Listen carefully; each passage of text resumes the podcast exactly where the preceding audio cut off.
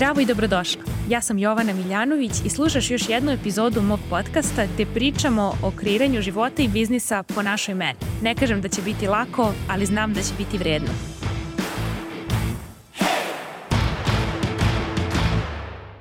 Zdravo i dobrodošli u novu epizodu. Uskoro ulazimo u prvu nedelju juna i onda nam ostaje još samo tri meseca do novog upisa u oktobarsku rundu mog Mastermind programa Tako da ću se sledećih meseci fokusirati na teme koje su malo više napredne, koje nisu toliko na nivou biznis baze što smo obrađivali prethodnih meseci.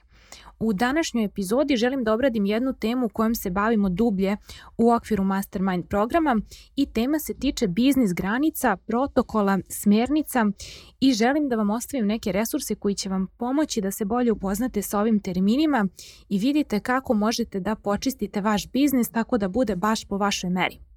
Čišćenje biznisa se ne radi jednom u 10 godina, radi se konstantno na 6 meseci ili čak i češće ukoliko primetite da je došlo do neke greške od koje treba da se napravi protokol, uradit ćete to u istom trenutku, nećete čekati sigurno 6 meseci da uvedete neko novo pravilo, ukoliko je sada trenutak i ukoliko to sada ima smisla za vas i vaš biznis. E, što se tiče ove teme, zašto kažem da je ona naprednija i da nije toliko za nivo biznis baze, pre svega zato što kada si na samom početku, ti još ni ne razmišljaš o svim ovim stvarima, razmišljaš o tome kako da kreiraš vrednost, kako da još bolje pomogneš svom idealnom klijentu, radiš na sužavanju ciljne grupe, a kada naučiš da pomažeš ljudima da reše problem, kada definišeš ko je tačno tvoj idealni klijent, s kim želiš da radiš, sa kim ne, onda je vreme da kako tvoj biznis raste i skalira, da tada naučiš da postaviš od starta jasne biznis granice kako bi komunicirala i radila samo sa najboljim klijentima i kako bi tvoj mir i slobodno vreme bili apsolutni prioritet jer ti to zapravo omogućava da imaš vrednost kakvu imaš kroz besplatan i plaćen sadržaj. Ako nisi ti odmorna, ako nemaš vreme za razmišljanje, ako nemaš mir u svom životu, teško će biti da kreiraš vrhunski sadržaj za džabe i za pare ako nisi podmirena ti. Tako da zato su sve ove biznis granice, smernice i protokoli o kojima ćemo danas pričati važni. Jer kao što znate, ni vi ni ja nismo Bog i ne možemo svima da pomognemo. I u 98% slučajeva e, vaši idealni klijenti koji će vam se javljati za vaše programe su ljudi koji su već konzumirali vaš besplatan sadržaj, koji su navikli na način komunikacije kakav vi prirodno imate i to su ljudi koji vas kapiraju i koji su negde, ja volim da kažem, na istoj talasnoj dužini. Međutim, uvek u svakom poslu, bilo kod mene u mastermindu, bilo kod moje mentorke Brooke Castillo ili Stacey Bayman, uvek završi neko kom možda nije stvarno na pravom mestu i to je jako mali broj ljudi. To je ono jedna, dvoje ljudi po rundi, recimo biznis baze, gde stvarno vidiš da osoba nije za to i ukoliko se to desi, to identifikujemo vrlo brzo, ja samo tu osobu refundiram.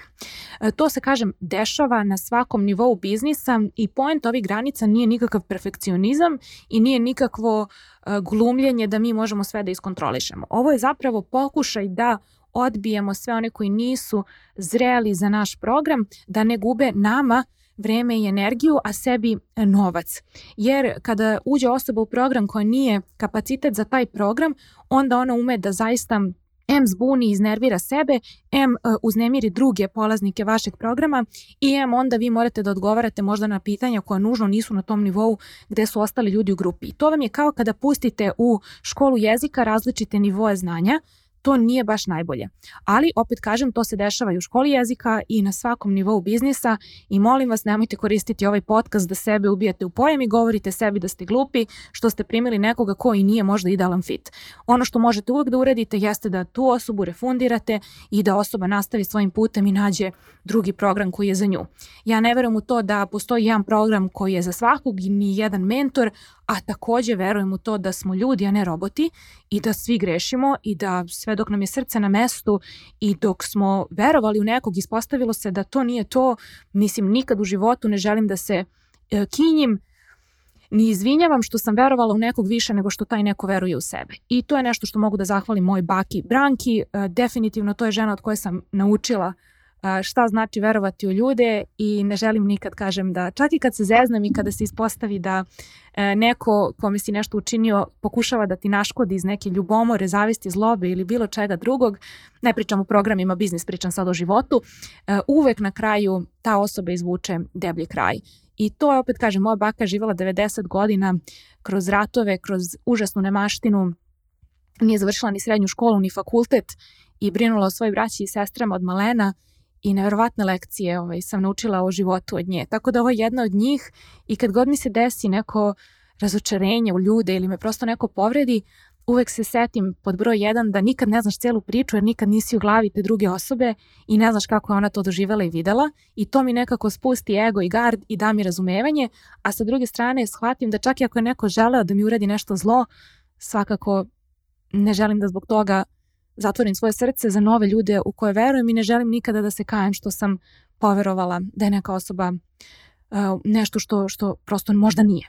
Ali opet kažem, ostavlja mesta za to da sam u krivu jer nikad ne znam, nisam Bog, Bog jedini sve vidi, mi samo percipiramo na osnovu našeg mesta u životu i u kontekstu u kom se nađemo, a to apsolutno nije jedino ni istinito. Mesto ni istiniti kontekst samo je naš. Ali pošto mi na mom podcastu i u okviru mojih programa pričamo o biznisu po vašoj meri, ja nisam ovde vaš učitelj, već sam neko ko deli svoje iskustvo, a vi ste vaš učitelj i vi ćete vaše greške da pretvarate u vaše protokole i lekcije. I zato je ova epizoda tu e, ne kao e, tutorial, nego kao neki inspirativni način pogleda na stvar, a vi ćete svakako naći u vašem biznisu što više budete imali iskustva, to ćete imati više vaših ličnih protokola, smernica i granica, jer hajde da krenemo od toga uopšte šta su uh, biznis smernice i šta su biznis protokoli ili biznis prakse u vašem biznisu. Mojim rečima, to znači da u tvom biznisu važe tvoja pravila kao što u mom biznisu važe moja pravila. To ne znači da su moja pravila bolje ili veće ili superiornije od tvojih, niti da su tvoje superiornije od mojih. Ti i ja smo druge e, žene, druge osobe, ako slušaš ovo, ako si lik, i kao što ti i ja ne jedemo isti doručak e, i ne vodimo isti život i ne ležemo u krevetu isto vreme, isto tako naši biznisi nisu cookie cutter i ne izgledaju isto. Čak i biznisi žena na mom mastermindu izgledaju potpuno drugačije jer su moje klijentkinje drugačije osobe od mene i drugačiji sadržaj kreiraju na drugi način se pozicioniraju i to je strava i baš zato imaju različite klijente od mene. Nemamo svi iste ljude i iste afinitete. Dakle, kao što rekoh, kada kupuješ od nekoga neki program, bilo da je to ne znam, e-book, online kurs ili mastermind, pre nego što kupiš ti uglavnom pročitaš prodajnu stranu, informišeš se o tome šta dobijaš, imaš neke tu testimonijale od nekih drugih ljudi koji su kreirali neke druge rezultate, što ništa ne govori o tebi i šta ćeš ti kreirati jer nisi ti u njihovoj glavi, niti su oni u tvojoj, ali ono što je jako interesantno, o čemu treba da razmišljaš ukoliko ranije nisi ulagala mnogo para u različite online programe jeste da shvatiš da kada ti kupuješ od nekoga i ulaziš u njegov ekosistem, odnosno u njegovo dvorište, u njegov biznis ili u njegov stan, a u realnom životu kad ulaziš u nečiji stan, ti se slažeš sa pravilima igre u tom stanu. Dakle, pravila igre u mom biznisu ne moraju da ti se sviđaju. Ono što je bitno je da ti želiš rezultat koji možeš da dobiješ kada dođeš u moje dvorište i igraš se na način na koji sam ja osmislila tu igru u svom dvorištu. To nije jedina igra, niti je pravilna igra, to je samo moja igra koju volim da igram i kada ulaziš u rad sa mnom, igraćeš tu igru ili se prosto nećemo zajedno igrati. Jer ako meni nije zabavno da se igram s tobom, neću, a ni ako tebi nije zabavno da se igraš sa mnom, apsolutno ne treba, jer ja nisam jedina osoba koja može da ti pomogne da kreiraš neki rezultat, ima ih milion, Iako ja nisam ta, definitivno treba da ideš dalje dok ne nađeš tu osobu za tebe. Ja sam svoju mentorku e, našla u septembru 2019. E, i nikad nisam prestala da radim sa njom. Drugu mentorku sam našla u Sledeće godine, to je bilo 2020. na proleće i dalje sam nastavila da radim s njom. Tako da hoću da kažem da umeđu vremenu je bilo i ljudi kod kojih sam kupila jedan proizvod ili dva i nisam nastavila jer prosto nisam osjećala energetsku e, povezanost i poverenje i energiju kakvu osjećam. Zato kažem energetsku jer meni to zabavno da sam u njihovim programima i zato i ostajem, zato im dajem par iznova iznova od septembra 2019. Tako da kada ti kupuješ od nekog program ili kad klijenti kupuju od tebe, moraš biti kristalno jasna šta ti nudiš, šta ne nudiš i uh, moraš znati svoje zašto, zato što ako te neko pita, uh, prosto znaj da mu odgovoriš, jel? Daću ti primjer nekih stvari koje ljudi znaju kada kupuju od mene da ja nemam u svom programu i to su recimo nemam Facebook grupu, nemam dopisivanja pozive na telefon, Viber grupe, ništa od toga. Imamo samo Zoom poziv subotom od 11 do 2 i tu se donose sva pitanja i paralelno imamo neke follow-upove koje radimo recimo ako sad svi pišemo E, recimo prodajnu stranu, ja ću onda davati feedback uživo na to što mi vi pošaljete. E, znači radit ću uvek pred grupom, jer poenta grupnog rada i zašto verujem u njega od 2016. radim samo to, zato što je za mene on najmoćniji, jer ja vidim odmah gde je ko i vidim odmah kako jedni ljudi utiču na druge i koliko brži napredak cele grupe ide kada jedna osoba postavi pitanje koje drugoj ne bi ni palo na pamet. Kada se priča o biznis granicama, da se vratimo u ovoj temi, u ovoj oblasti, zašto je bitno? Zato što ja ne očekujem od klijenta da on uđe u moj program i da zna ovo. Ja očekujem da mu ja kažem to pre nego što kupi. Da mu ja kažem da imamo Thinkific na kome su video lekcije, PDF lekcije i vežbe, da mu kažem da Zoom traje dva sata subotom, da mu kažem u koje vreme i da klijent prosto ima izbor da li želi da se uklopi gde god da živi ili ne, jer ako ne želi nema poente da kupi od mene i da radi sa mnom.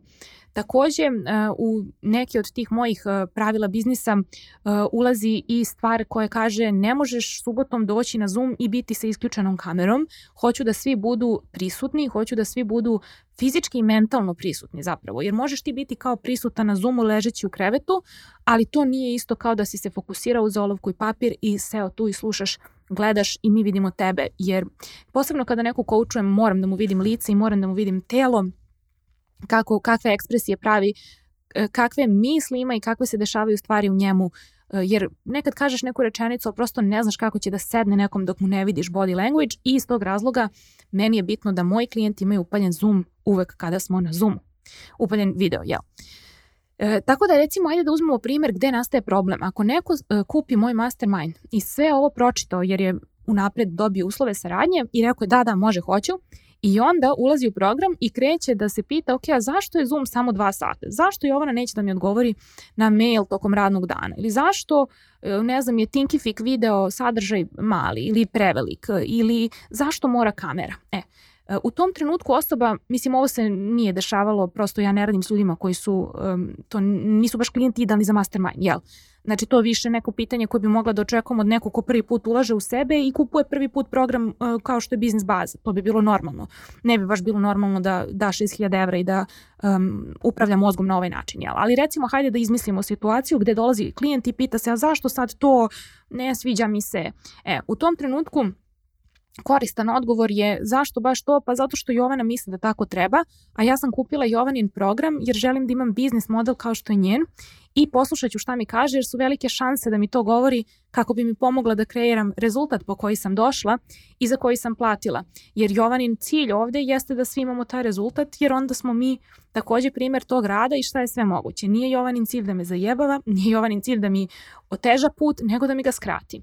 I u tom smislu se razlikuju ljudi koliko su radili pre toga na sebi, na psihoterapiji i coachingu, koliko su u stanju da upravljaju svojim umom, To se vrlo lako čuje i zato obožavam onaj citat Les Browna koji kaže Once you open your mouth, you tell the world who you are. To je moćno, znači naježim se svaki put kad čujem i to je još jedan od razloga zašto ne verujem u onom šta ako se nekom ne sviđa ili tuđe mišljenje.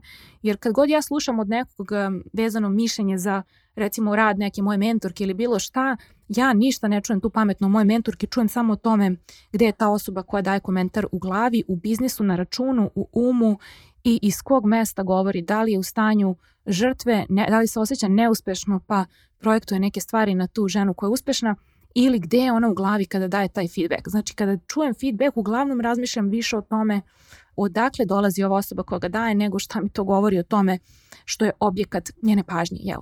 I zato vam kažem, ovo su dve e, stvari koje su mnogo važne kad neko uzme vaš program, morate da osigurate unapred kroz besplatan sadržaj, kroz upitnik, test ličnosti, Zoom poziv ili koji god način da je ta osoba mentalno zrela za taj vid rada. Mastermind nije nešto što je za e, početnike i za ljude koji nisu preulagali u sebe, jer oni nemaju nikakvo samopouzdanje izgrađeno na tom e, prosto poverenje u sebe koje kaže da ja ću se postarati da dobijem svoj rezultat, ja sam došla ovde da uzmem šta mi je potrebno, ja ću raditi sve što je do mene, ja ću probati sve što mi se kaže, um, nemaju to. Ljudi kad nisu radili na sebi nemaju to, uglavnom su zarobljeni u stanju žrtve u stanju drugi meni nešto daju ili ne daju, rade ili ne rade, klijenti meni daju pare, mentori meni moraju da daju rezultat i ti ljudi uglavnom biraju individualni rad, oni nisu, nemaju kapacitet za grupu, ne, je, zato što nisu naučili da su oni zaduženi i odgovorni da urade to što se od njih traži da bi napravili rezultat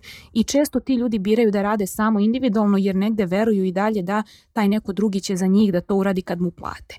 E, zato kažem da je grupa nešto što je meni moćno jer ipak malo ljudi koji ne rade na sebi odlučuju da uđu u bilo šta grupno.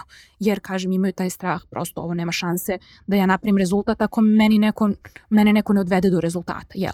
A ljudi koji su e, radili na sebi, oni znaju ulazim u grupu, znači brže ću doći do rezultata, dobit ću više uvida za manje vremena i ono, I've got this, to je njihova misao. Dok je misao ovog ko nije radio na sebi, u, ako ga pustiš u grupni program, više će biti u fazonu ali ovo moje posebno, zar ne vidite kako je ovo moje posebno, treba mi više pažnje, više vremena, više modula, više lekcija, više Jovane, više ovoga, više onoga. Jer je totalni fokus na spolja i umesto da se pita šta znam sad, šta mogu da primenim danas, osoba bira da se pita šta još ne razumem, šta mi nije jasno, šta sve deluje kontradiktorno. Znači potpuno jedan um koji nije sposoban da razmišlja. Kao recimo kada zamislimo neko ko se malo nacirkao i onda ta osoba kad priča, priča nepovezano i nije u stanju da upravlja umom. Tako isto kada ne radiš na sebi, a uđeš u neko mesto gde su drugi ljudi koji rade, nažalost neće ti biti baš prijatno. I tu opet imaš dve opcije, da porasteš ili da se sakriješ ili da odeš. I ovo sam ja prolazila kroz život kad sam otišla u uh, Ameriku da studiram s 21 godinom, bila sam jedina iz Srbije tu i osjećala sam se uplašeno i nesigurno i delovalo je da su svi mnogo ispred mene i da znaju mnogo više i nisam razmišljala o tome koliko sam ja uh, glupa ili koliko uh, kasnim, pošto sam ja došla posle druge godine fona, a ti ljudi su od početka na tom fakultetu, ja sam se razmišljala, ok, šta je ono što ja mogu da im ponudim i doprinesem, kao neko ko dolazi iz Srbije sa fona koji je super faks, šta je ono gde ja mogu da njima budem korisna. Znači ja sam odmah ušla u mod, ok, šta je na meni? Nije na meni što nisam ovde od prve godine, nije na meni što sam glupa za neke stvari koje oni kapiraju, ali šta je ono što ja mogu? I to je mene spasilo tamo. I to je isto tako, mislim, kad sam išla na prvi put na Mastermind 25.000 evra za tri dana kod Stacey Bayman u avgustu 21. Od nas 110, opet sve su bili Amerikanci, većina ljudi koji su ono, duže tu u njenom programu, koji znaju više, opet sam se pitala šta je ono gde ja mogu da doprinesem kao neko ko dolazi iz Srbije, kao neko ko izgradio taj biznis sam od nule, počevši preko bloga, organskog sadržaja, radeći radionice, šta je ono što ja mogu da ovde doprinesem. Jer ja uvek verujem da koliko god ja bila manje uspešna od tih ljudi ili sa nekim šugavijim pasošem u odnosu na njihov, ima manje prilika, manje stipendija, manje svega, opet sam uvek imala uvid da imam i neke stvari da donesem koje oni nemaju i to je tu sam zadržala svu svoju moć u trenucima kad sam mogla da izgubim i da koristim objektivne činjenice protiv sebe, ja sam izabrala da se izborim za sebe i da kažem šta je ono što ja mogu da donesem na sto. E, tako da to je vam je broj jedan, zašto ovoliko pričam o ovome, vidjet ćete svi vi koji pređete 100.000 evra godišnje, ako ne krenete da radite na ovome, nema šanse da dovedete biznis do 500.000 godišnje ili više. Jer ovo su stvari koje su najveći game changer kad pređeš taj prvi nivo gde validiraš svoju biznis ideju, praviš sisteme i procese za prosto sprovođenje tvog e, kursa ili programa šta već prodaješ i automatizaciju sadržaja gde znaš da na godišnjem nivou izbacuješ u 52 nedelje 52 podcast epizode, 52 newslettera, da svaki mesec imaš, ne znam, nija, neki besplatni priručnik ili nešto da doprineseš ljudima, Zoom poziv, dnevnik, kao što sam vam ja poklanjala u maju, e, u aprilu onaj uhvati zale dnevnik, u maju e-book sa 30 najčitanijih tekstova u posljednje tri godine i u junu vam poklanjam besplatni biznis Q&A za ekipu na newsletteru, pa pratite newsletter ako niste već tamo. Znači, da bi ja sve to uradila, a da bi moj biznis rastao i da bi ja imala vremena i da bi imala energije da idem i dalje se usavršavam i budem bolji resurs za svoje klijente, ja moram ove stvari da poslužim. Jer ako ja ovo ne poslužim, ja tonem. A tonu onda i moji klijenti zajedno sa mnom. Kako nastaju biznis granice? Ok, znači ovo što sam malo prepričala, nisu biznis granice, to su moji biznis protokoli. Znači, prosto ja radim tako stvari. Protokol u mom biznisu je da se ne dopisujemo i ne čujemo na telefon, nego se čujemo subotom na Zoomu. Uh, Thinkific je platforma na kojoj su uh, moje lekcije. To su prosto ono, kako stvari izgledaju u mom biznisu. Možete na to da gledate, kažem, kao na biznis smernice, biznis protokole, biznis odluke, ja ih na engleskom business guidelines, kao kako nešto treba da izgleda. To mi više nekako ta reč mi više ima smisla. Guideline za tvoj biznis. Ali biznis granice nisu to. Znači šta su biznis granice? Biznis granice kao i granice u životu ne nastaju preventivno kao što nastaje recimo protokol ili moj business guideline da nemam Facebook grupu, da imam Thinkific kao platformu, da se čujemo samo subotom na Zoomu. To nisu moje granice. Granice su nastale tako što je neko zgazio nešto i ja sam se osetila tu da to ne želim da se ponovi i onda sam recimo povukla tu granicu. I daću vam primjer jedne granice koja je sad postala deo biznis smjernica, e, odnosno uslova saradnje kad ljudi kupe moj program i uđu u njega i posle dobijaju onboarding mailove gde ih pripremam za Zoom poziv, objašnjavam kako se radi kod mene u programu i tu im sad kažem napred tu biznis smernicu, znači koja je postala sada deo mog biznis protokola, a postala je to prvo tako što je bila pregažena granica. I jedna od tih mojih sad smjernica u biznisu kaže sledeće. Ako čujem da ti u svoje slobodno vreme kod nekog drugog iz ovog našeg malog online sveta vređaš ljude iz mog masterminda ili iz grupe i pričaš nešto iza leđa, a ti si deo te moje grupe, letiš iz mog programa i dobijaš refundaciju i više nikada u životu nećeš raditi sa mnom ni na jedan način. I to je nešto što prosto um, ja povlačim tu granicu iz razloga što ti imaš puno pravo da radiš šta hoćeš, imaš slobodnu volju, da pričaš šta god hoćeš i misliš šta god hoćeš. Ali ako si deo moje zajednice, ja to neću tolerisati i to znači da ako ti pređeš tu granicu, ti letiš napolje. I, na primjer, eto, ta granica je postavljena tako što je neko pregazio, nisam ja unapred razmišljala o tome, sad ću ja da smišljam šta će se desiti u, u tom i tom slučaju. Znači ne, biznis granica se postavlja nakon što je bila pregažena i to je to. I onda, ako je nešto tako bitno, postaje biznis smernica, što znači čim uđeš u program, dobiješ onboarding sekvencu, email gde ti pričam kako mi radimo, šta su naše vrednosti, kako se pojavljuješ na Zoomu i tu između ostalo kažem ovo su deal breakeri, ove stvari ako radiš nećemo moći više da radimo i to je to. I tu nema nikakvog ono drndanja, nema ničega, ima bukvalno samo je vidi, ovo su pravile igre, hoćeš da se igramo, let's go.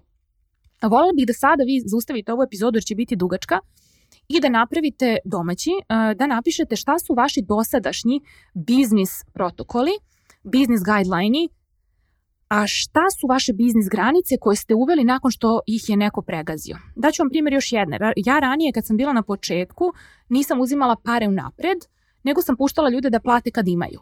to je bilo fijasko i kada su ljudi gazili te granice i nestajali bez da su mi platili, ja sam onda definitivno uvela biznis pravilo da meni platiš unapred pa se tek onda igramo. Eto, daj vam primere, vi ćete naći svoje, Ovo je više epizoda koja je negde, kažem, master klas na ovu temu. Nije čak ni tipična podcast epizoda gde je samo uh, informativno, edukativno, zabavno. Ovo je baš jedan ozbiljan ozbiljan komad sadržaja koji morate primeniti ako planirate, kažem, da imate biznis koji uh, je jedan zdrav biznis u kome nema gašenja požara i vatri, nego biznis koji raste svojim jednim zdravim tempom na čvrstim nogama i temeljima, koji je zaista napravljen za vaše idealne klijente i svaki put kad neko i priđe njemu ko nije to, prirodnim putem će otpasti. E, to je poenta, jer taj neko ne želi da bude tu ako se ne slaže sa vašim pravilima igre u vašem dvorištu.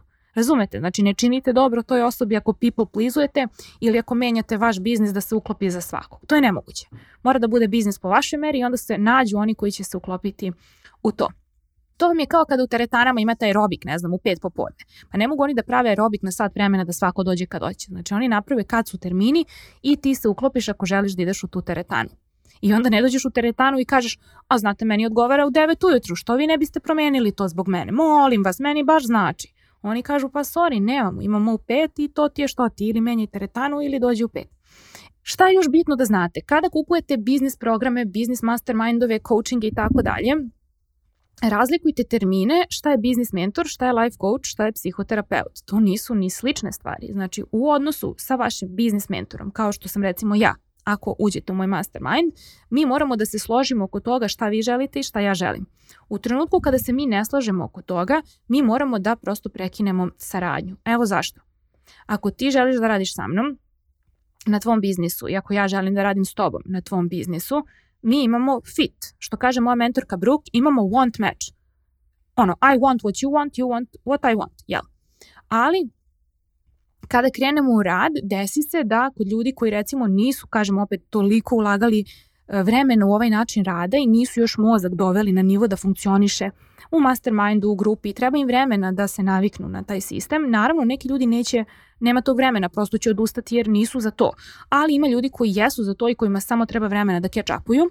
I recimo misli neke koje se pojavljaju ljudima u trenutku kada uđu u neki grupni program jeste a meni se ovo ne sviđa, ja bi volela, ne znam, da je poziv ipak popodne ili da je ova žena u programu manje pričala na Zoomu. Razumete, to su ono gluposti koje vam mozak vam servira različite misli, u suštini da vas sabotira da vi ne radite na vašim akcijama, nego da se tu nešto kao igrate i glumite, da ste nešto kao potrešeni.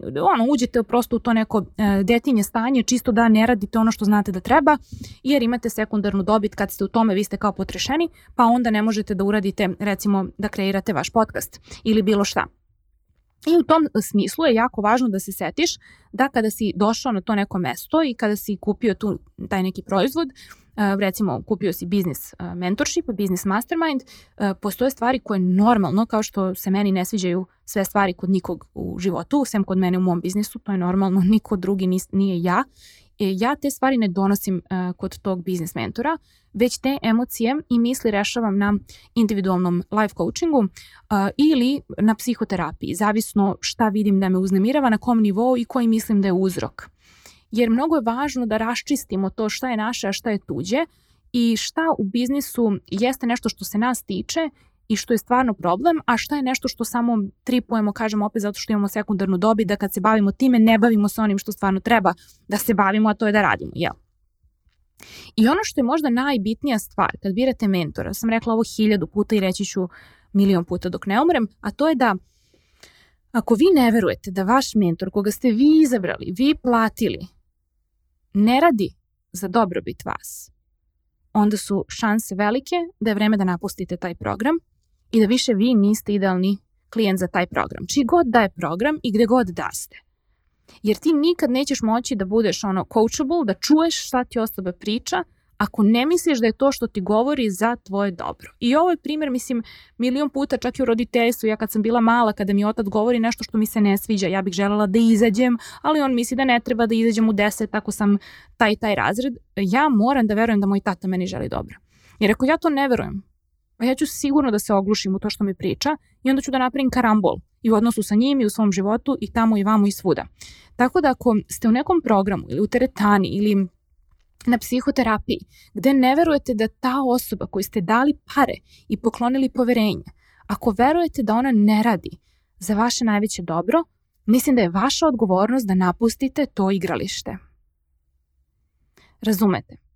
Ako se pronađete u situaciji gde ste, opet kažem, u teretani ili u programu, gde verujete da vas neko ne čuje, ne vidi, ne razume, mnogo je bitno da to adresirate. Jer ako ostanete u tome, nećete ništa uraditi, pa niste tu došli da šest meseci vatate zjale i da se nervirate ili koliko god, mesec dana, nije ni bitno. Jer ako uđete u nešto i verujete u to da ste tu došli da ćete dobiti ono što vam je potrebno, vi ćete to dobiti. Ako ste došli i imate misli da je ta osoba koja vas vodi a, neprijatelj vaš, vi ćete i to dobiti, jer ćete od svega što osoba radi napraviti kako to nije dobro za vas. Razumete? Znači, bukvalno toliko je jednostavno da je smešno, a toliko ovaj, kad radiš na terenu vidiš da ljudi ovo definitivno ne kontaju i da toliko moć stavljaju van svojih ruku da je to neverovatno. Bukvalno se zapitaš kako uopšte izađu iz kuće, vežu pertle i odu da jedu, kada su toliko u stanju da sve krive s polja. Znači krivi su svi, samo ne oni. A u stvari niko nije kriv, a svi su odgovorni. Možda tako ovaj, neko bude razumeo i čuo ovo sad što pričam. I tu se opet vraćamo na ono, razlika između treniranog i netreniranog uma, način na koji osoba misli, govori i postavlja pitanja, tu se vidi sve. Znači u tom grmu leži zec, tu se vidi koliko si vremena sedeo sa sobom, u svojim emocijama, u nemirnim i neprijatnim emocijama, Tu se vidi koliko si ulagala u psihoterapiju i coaching, koliko su ti poslužene misli. To je ono što vidi cela grupa i zato kažem da je za mene grupni rad u ovom smislu biznisa apsolutno superioran i zato nudim samo to, zato što toliko je moćno videti da različiti umovi na različiti način uh, procesiraju stvari i onda vidiš rezultate 20 ljudi u grupi koji su stvarno različiti, a tačno možeš da vidiš zašto je ko napravio ili nije napravio ono što je hteo. Premoćno. Ovde bih voljela takođe da vas podsjetim na epizodu koju ću ostaviti linkovanu gde sam pričala o tome koja je razlika u treniranom i netreniranom umu kada pričamo o postavljanju pitanja u vašem biznisu, jer mislim da će vam koristiti. Ako se pronađete u tome, vreme je da nađete nekoga i da krenete samo da dublje, jače, intenzivnije radite na tome, zato što je to najbitnija veština upravljanje svojim umom u životu i u biznisu. Sada bih voljela da vas provedem kroz nekoliko još termina koji su bitni a ostavit ću vam onda resurse od moje mentorke Brooke Castillo da poslušate više na tu temu kako biste mogli da te stvari identifikujete i kod sebe i u radu sa vašim klijentima. Sledeća stvar koju želim da prođem jeste emocionalno detinjstvo. Ovo je prosto jedan izmišljeni naziv koji ona izmislila um, i ilustrovat ću vam primjerom šta misli kada priča o tome, a poslušat ćete epizodu na engleskom, je, linkovat ću je u opisu, da vidite na šta se tu misli i koliko se često pronađete u tome. Evo recimo primjera. Kada si dete i kada si emotivno neregulisan i kad stvarno nemaš uh, resurse u sebi, jer si dete da se sam regulišeš, a recimo nešto se desilo i mama ili tata nisu tu i nema nikoga da posvedoči tom tvom sramu ili emocijama ili strahu, ti totalno izgubiš kompas. I to je normalno jer si dete.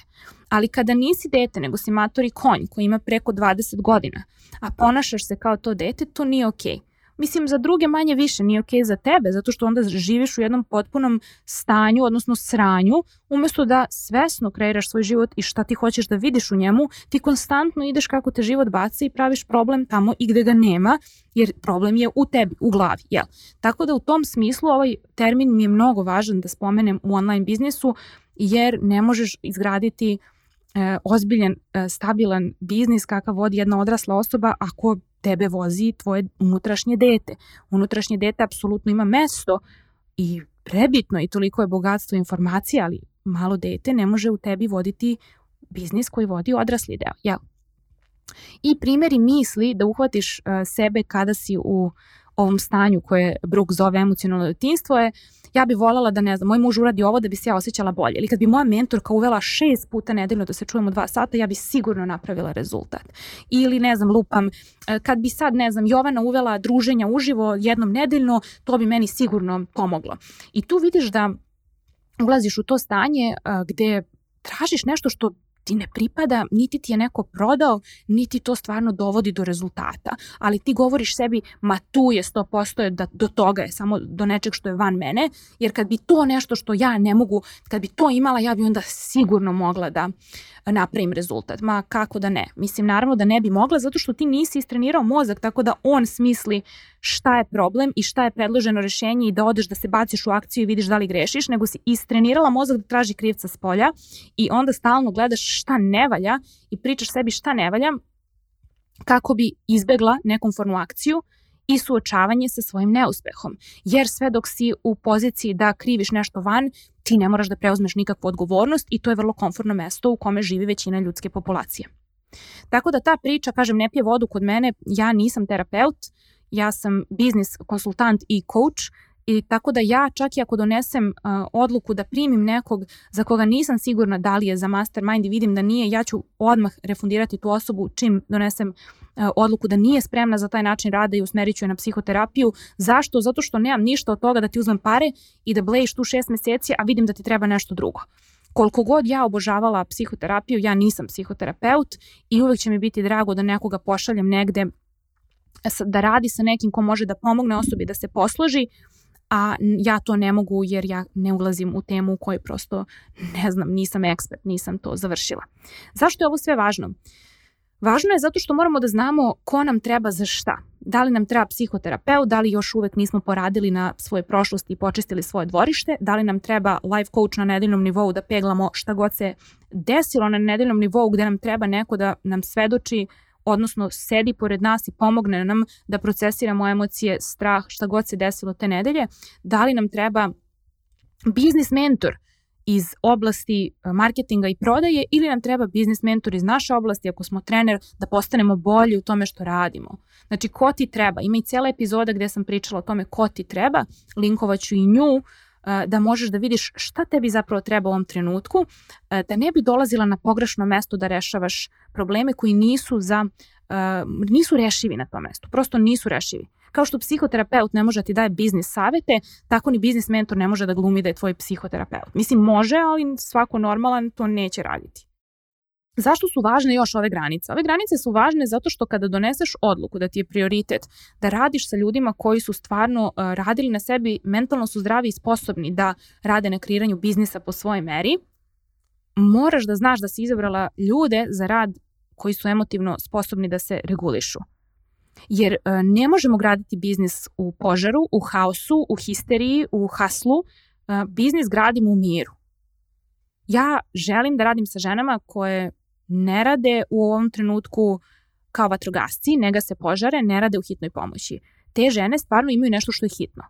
U online biznisu u 99% slučajeva nemaš ništa što je hitno i što ne može da sačeka sledeći Zoom. Svako ko želi da gradi biznis uh, kroz na mišiće, kroz stres, kroz neku dramu, nije moj klijent. Ja želim ljude koji žele da uživaju u načinu građanja svog biznisa i da stignu na svoj cilj u miru, jer kako stigneš na cilj, tako ćeš i ostati na cilju. Naravno da ja mogu brže da postignem nešto, ali čemu? Mnogo mi je važnije kako sam došla do tih para nego koliko sam para zgrnula brzo. Tako da ako nemaš unutrašnji mir i ne uživaš u svom biznisu i radu s klijentima, jebeš pare. Da završim ovu današnju epizodu u kojoj bih mogla da pričam 5 sati jer je tema zaista evergreen, uvek će biti relevantna jer uvek će neko biti na početku rada na sebi, neko će 10 godina raditi na sebi, neko je samo radio psihoterapiju, nije coaching, ne razume koje su razlike, nije siguran šta mu treba, ne zna gde da ode. Jedini način da saznaš je tako što grešiš. Ja sam pričala sto puta na ovom podcastu da sam jednom bacila 34.000 evra u vatru u svom biznisu, napravila sam biznis grešku i naučila sam gomilu iz toga. Drugi put sam bacila 18.000 evra u jedan program koji se ispostavio da uopšte nije to što mi je trebalo, ni to što sam tražila i tu sam isto naučila gomilu stvari o tome kako pametnije sledeći put da izaberem program i gde sam tačno pogrešila pri izboru tog mentora i tog načina rada koji meni nije bio po mojoj meri. Razumete, znači mi grešimo.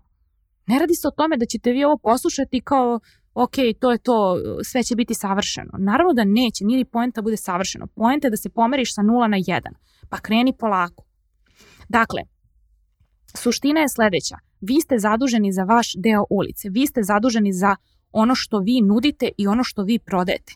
Oni su klijenti koji su zaduženi, imaju slobodnu volju, zaduženi su za svoje emocije, za svoje misli, za svoje rezultate. Znači njihovi rezultati su njihova zasluga i njihova odgovornost. Nisu njihovi rezultati moja zasluga, nego njihova. Oni su radili na svojim rezultatima. I kada se nađete u nekom grupnom programu, u, kod nas ili u inostranstvu, vidjet ćete dva tipa ljudi. Ljude koji šta god se desi postavljaju sebi pitanje Šta imam da naučim iz ovoga? Kako je ovo dobro za mene? Šta bi mogla ovde da iskoristim za svoj biznis? Kako da ovo odmah pretočim i primenim kod mene i imaš one ljude koji bukvalno šta god se desi oni misle da je protiv njih. I šta god se desi, da li si primio nekog u program ko se njima ne sviđa, to je protiv njih. Da li si promenio Zoom poziv sa 11 na 1, to je protiv njih. Da li Thinkific ima novu lekciju ili si zamenila redosled modula, to je protiv njih i zato neće uspeti. Mislim sad lupam ovo, nisam imala, kažem, u mastermindu ovaj slučaj, ovo je više šta sam viđala u programima u kojima sam i u Americi i kod nas u Srbiji, ali mi je interesantno zato što je toliko sve predvidivo. Kada vidiš da bukvalno ista stvar, ista činjenica, dva mozga i jedan mozak pravi pitu od govana, a drugi mozak bukvalno ide i koristi svako sranje i ono što bi rekla jedna Amanda Francis, turning shit into gold. I dva mozga, dva rezultata, dva života, dva uma, dva računa, dva okruženja. Neverovatna stvar, a ista činjenica. Jer kada postaviš sebi pitanje broj 1, ono, kako ovo mogu da iskoristim za sebe, šta je ovde za mene dobro, ili postaviš pitanje broj 2, kako ovo protiv mene, kako će ovo mene da zajebe, rezultat u odnosu na to koje pitanje postaviš je nebo i zemlja. I u umu, i na računu, i ljudima s kojima si okružen, i gde živiš, i šta radiš, i kakve razgovore vodiš, To je suština života po meni. Eto, toliko uh, u ovoj epizodi kažem, ovo je ceo modul u Mastermindu jer je ovo prebitno. Tamo imamo i različite primere uslova saradnje, upitnika, različite template koje ljudi prosto skinu i primenjuju na svoj biznis, jer ovo je nešto što nas niko ne učio. Mislim, koliko nas je uopšte čulo za termin granice. Mislim, ja sam 2017. godine završila na operaciji tumora, vađenju desnog jajnika i ležeći u bolnici sam na YouTube-u nabasala na Terry Cole, ženu koja je fantastičan psihoterapeut iz Njujorka i ja sam prvi put tad s 27 godina čula za termin granice, boundaries. I kupila sam njen boundary program koji je fantastičan, trenutno ga baš prodaje, eto da izreklamiram i nju jer mnogo verujem u nju i u to što radi i to mi je promenilo život. I opet kad sam to čula s 27, trebalo mi je još četiri godine da to krenem da primenjujem na svoj biznis. Eto, tako da nadam se da ću skratiti nekom put, nadam se da će neko imati manje bola zato što sam ja danas sela na ovom svom prelepom odmoru sa mojim mužem u našem omiljenom hotelu u Tivtu i snimila ovu epizodu. I drago mi je da ako nešto što sam ja prošla na teži način i platila cenu, može nekome od vas da skrati muku. Sve podcast epizode koje želim da poslušate od moje mentorke Brooke Castillo okačit ću u dodatku. Takođe ove dve moje epizode koje sam spomenula na podcastu gde sam pričala o tome kako da vidiš koje misli e, voze tvoj život i druga koja je bila ko ti treba, koji tip mentora ili terapeuta ti treba. Takođe želim da vas pozovem da ako niste na newsletteru se prijavite jer tamo svakog meseca šaljem neke zanimljive poklone.